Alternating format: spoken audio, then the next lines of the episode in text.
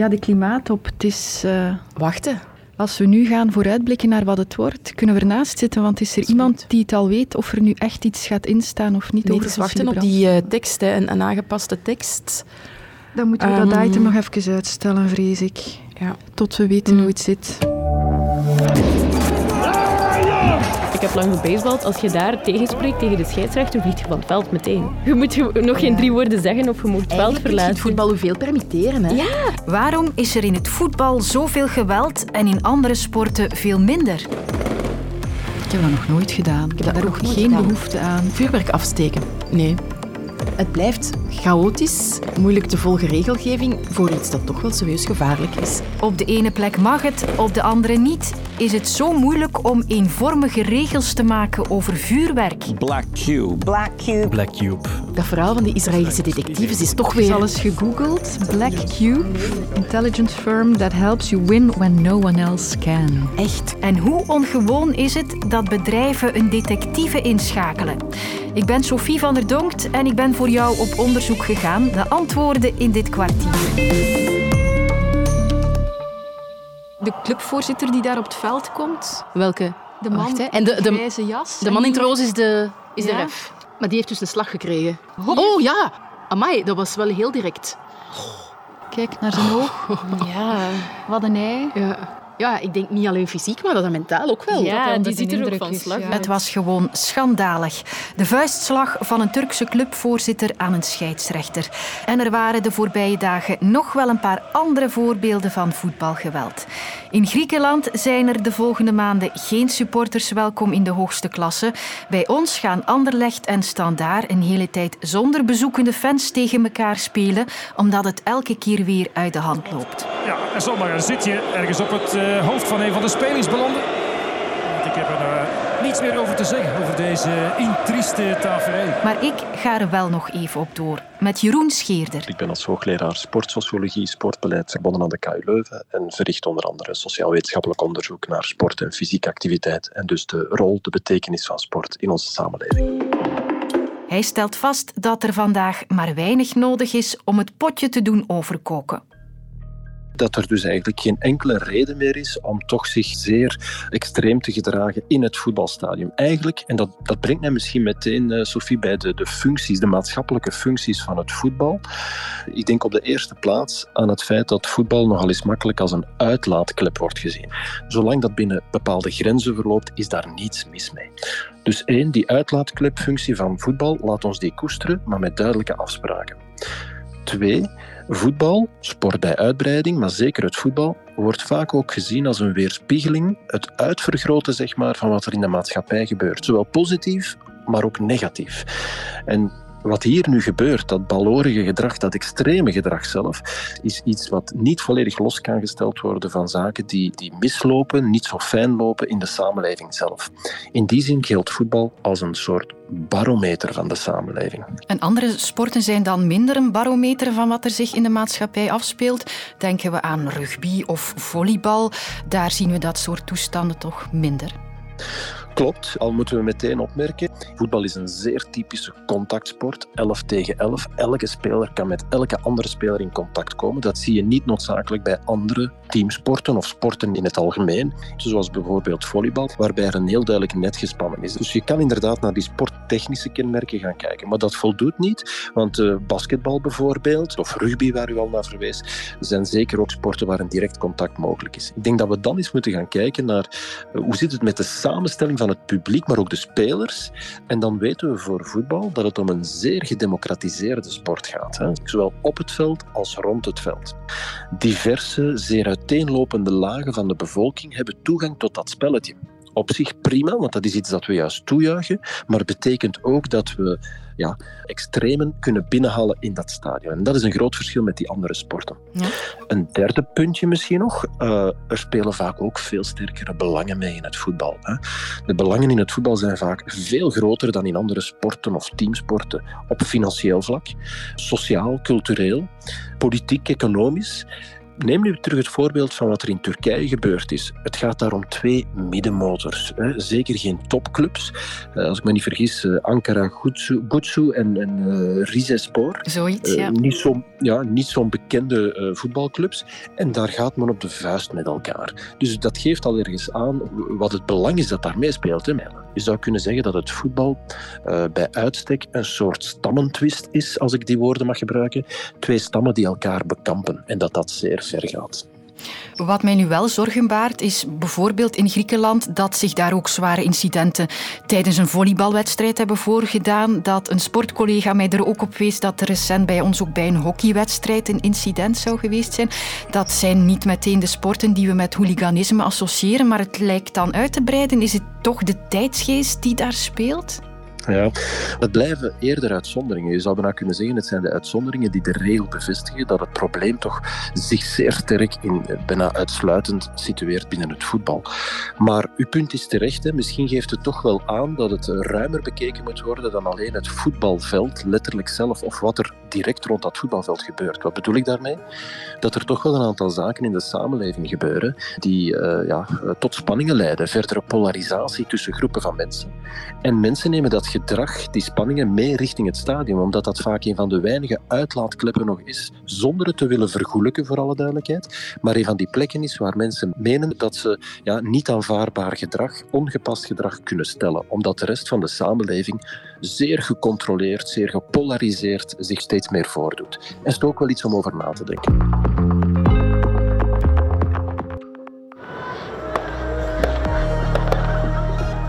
We hebben zo al een voertuig dat is uitgebrand, een aantal fietsen, een boom uh, en struikgewas.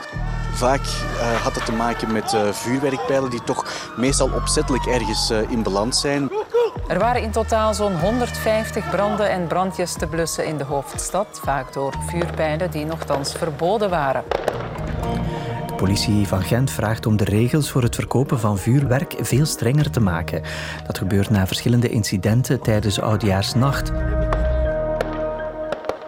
We mogen nog 100 eh, patrouilles op de baan hebben van de politie. Dan nog is het zeer moeilijk controleerbaar als er ergens vuurwerk wordt afgeschoten. Dit is Kurt van Rijkegem, de burgemeester van Waregem. En hij vindt het oké als je op oudejaarsavond enkele vuurpijlen laat knallen. Het is zo goed als oncontroleerbaar. Vandaar dat wij opteren om een beperkte periode toe te laten tussen 11.30 en 12.30 Maar als ik zes kilometer verderop ga kijken bij burgemeester Simon Lagrange van Zulte, daar mag het niet. Bij ons is er een, een verbod op particulier vuurwerk. Privévuurwerk afsteken, ja, dat brengt toch risico's met zich mee.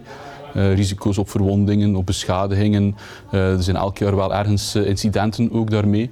En ook voor de duidelijkheid voor de mensen. Men weet dat het verboden is, men weet dat men een overtreding begaat, dus men weet dat het beter is om dat niet als particulier uh, zelf te doen. En zo zou ik mijn rit door Vlaanderen nog lang kunnen voortzetten. Hier mag het niet, daar mag het wel en nog ergens anders alleen onder bepaalde voorwaarden.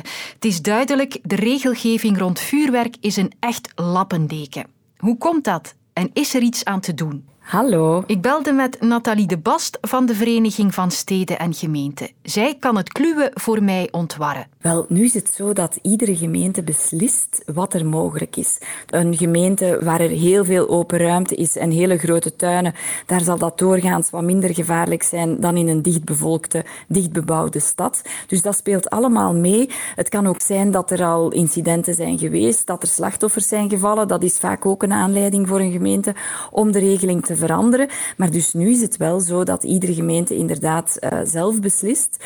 Wij willen ook dat er een meer algemene regeling komt.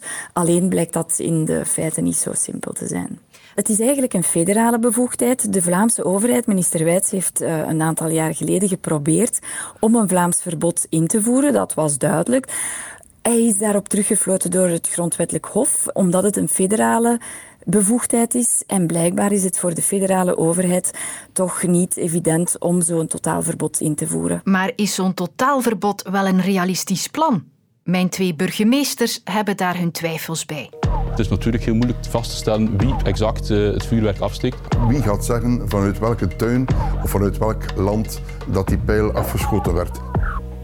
Handhaving is zeer moeilijk en lokale besturen zijn er ook van overtuigd dat als je tegen mensen zegt van kijk, er is een verbod, dan moet je het ook kunnen handhaven. Anders heeft dat eigenlijk weinig zin. Vandaar dat we zeggen van verbied de verkoop en verbied ook het transport door particulieren van dat vuurwerk. Dat zal veel efficiënter zijn. We gaan ervan uit dat als je het moeilijk kan kopen, uh, of je moet dan naar het buitenland gaan, en je mag het ook dan niet transporteren, dat dat toch een serieuze drempel zal zijn om er nog aan te geraken.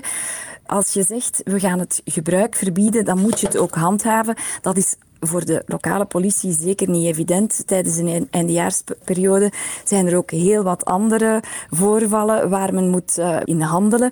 En vaak krijgt men dan een melding dat er ergens vuurwerk wordt afgestoken, maar tegen de tijd dat je er bent, ja, dan is het natuurlijk al voorbij. Dus handhaving is zeer moeilijk en wij denken dat dan een algemeen verbod op de verkoop en het transport, dat dat eigenlijk beter is om te vermijden dat er nog vuurwerk wordt afgestoken door particulieren.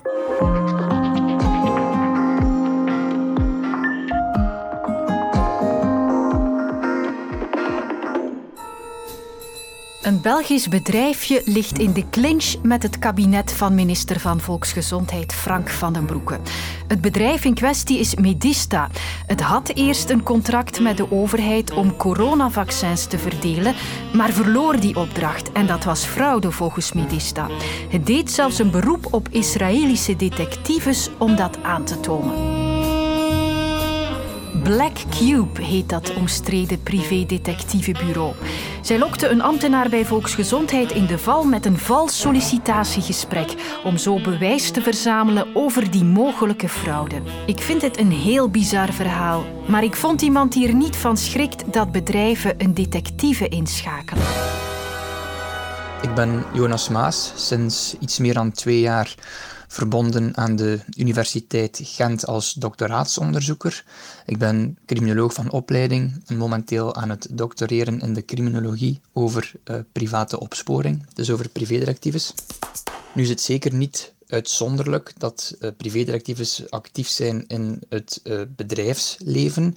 Als we gaan kijken, zien we dat er door de jaren heen de laatste twee decennia een evolutie heeft plaatsgevonden, waarbij het aantal zelfstandige privédirectives, die zich voornamelijk gaan bezighouden met overspel en echtscheidingen, dat uh, dat aandeel van privédirectives gedaald is en dat het aandeel van privédirectives werkzaam in de bedrijfswereld dat gestegen is. Dus het is zeker niet uitzonderlijk. Het is eerder het overgrote deel van privédirectives die vandaag de dag werkzaam zijn in het bedrijfsleven. Het gebeurt dus vaker dan ik dacht. En ze worden in heel wat verschillende situaties ingezet. Privédirectives in, in de bedrijfswereld die wordt ingezet als er interne criminaliteit wordt gepleegd door eigen werknemers. Het kan gaan van een kleine diefstal van een stilo of een broodje préparé in de cafetaria, tot wel ja, vechtpartijen uh, op de werkvloer, tot sexual harassment, soms moord of zaken gerelateerd aan, aan terrorisme of radicalisering. Dus ja, vaak hebben we de core business van, van bepaalde sectoren. Kijken we naar de distributie en de transportsector, ja, dan worden zij geconfronteerd met het opsporen van verdwenen of gestolen pakketjes. Kijken we naar de retailsector, naar de grootwarenhuizen, ja, dat is dan voornamelijk diefstal of kassafraude door eigen werknemers. Dus elke sector heeft zijn core business waar die mensen, die detectives op ingezet worden. En daarnaast ook bijna elke vorm van criminaliteit waarmee dat we in de samenleving ook worden geconfronteerd. Maar in tegenstelling tot de detectives die we kennen uit films, zijn er in het echt wel regels waar ze zich aan moeten houden die hebben zeker geen vrij spel. Die zijn gebonden aan allerhande wetgeving. Wat ze mogen doen, dat staat wettelijk bepaald in, de wet op de privédirectives. En zij mogen dus eigenlijk vier activiteiten doen. Dat zijn verdwenen personen en verloren of gestolen goederen opsporen, informatie over personen gaan inwinnen, informatie over conflict situaties gaan inwinnen en bedrijfsspionage gaan onderzoeken. Dus in de praktijk komt het erop neer dat privédirectives mogen interne documenten gaan raadplegen. Mogen gaan observeren, achtervolgen, fotograferen. Uiteraard, als we het hebben over fotograferen of het maken van videomateriaal, moet dat op het publiek toegankelijk domein gebeuren. Er zijn ook heel wat verboden activiteiten. Privédirectives mogen in het kader van hun onderzoeken binnen die bedrijven geen gsm's gaan uitlezen, geen computers gaan uitlezen, ze mogen geen briefgeheim schenden, ze mogen geen huizen betreden. Het komt er hem eigenlijk op neer dat ze in hun onderzoeken gaan analyses uitvoeren van bepaalde documenten die het bedrijf ter beschikking stelt of een persoon eventueel al gaan achtervolgen en observeren en eventueel ook fotograferen. Dus wat we nu in de media gezien hebben, komt absoluut niet overeen met de dagelijkse Belgische realiteit op het vlak van privédirectives. Zij zijn gebonden aan allerlei wettelijke verplichtingen. En die realiteit komt absoluut niet overeen met wat we nu gezien hebben door Black Cube. En bij het kwartier houden we de actualiteit in het oog. Morgen hoor je opnieuw van ons. Wat hebben vrouwen uit de middeleeuwen betekend voor onze geschiedenis? Hoog tijd om kennis te maken met de leading ladies van het Graafschap Vlaanderen in de nieuwe Clara-podcast De Vorstinnen van Vlaanderen. Nu op VRT Max.